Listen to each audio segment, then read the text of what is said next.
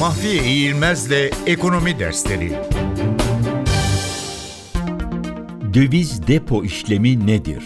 Döviz depo işlemleri geçici bir süre için döviz likiditesi ihtiyacı olan bankalar ile döviz likiditesi fazlasına sahip olan bankalar arasında Merkez Bankası garantörlüğünde belirli bir faiz ve vade ile yapılan işlemlerdir.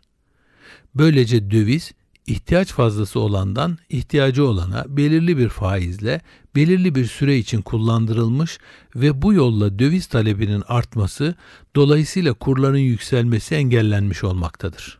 Döviz likiditesine ihtiyaç duyan bankalar Merkez Bankası tarafından belirlenen faiz oranından da işlem yapma imkanına sahiptirler. Bu çerçevede Merkez Bankası euro ve dolar olmak üzere piyasa üyesi bankalara limitleri içerisinde fon sağlamaktadır.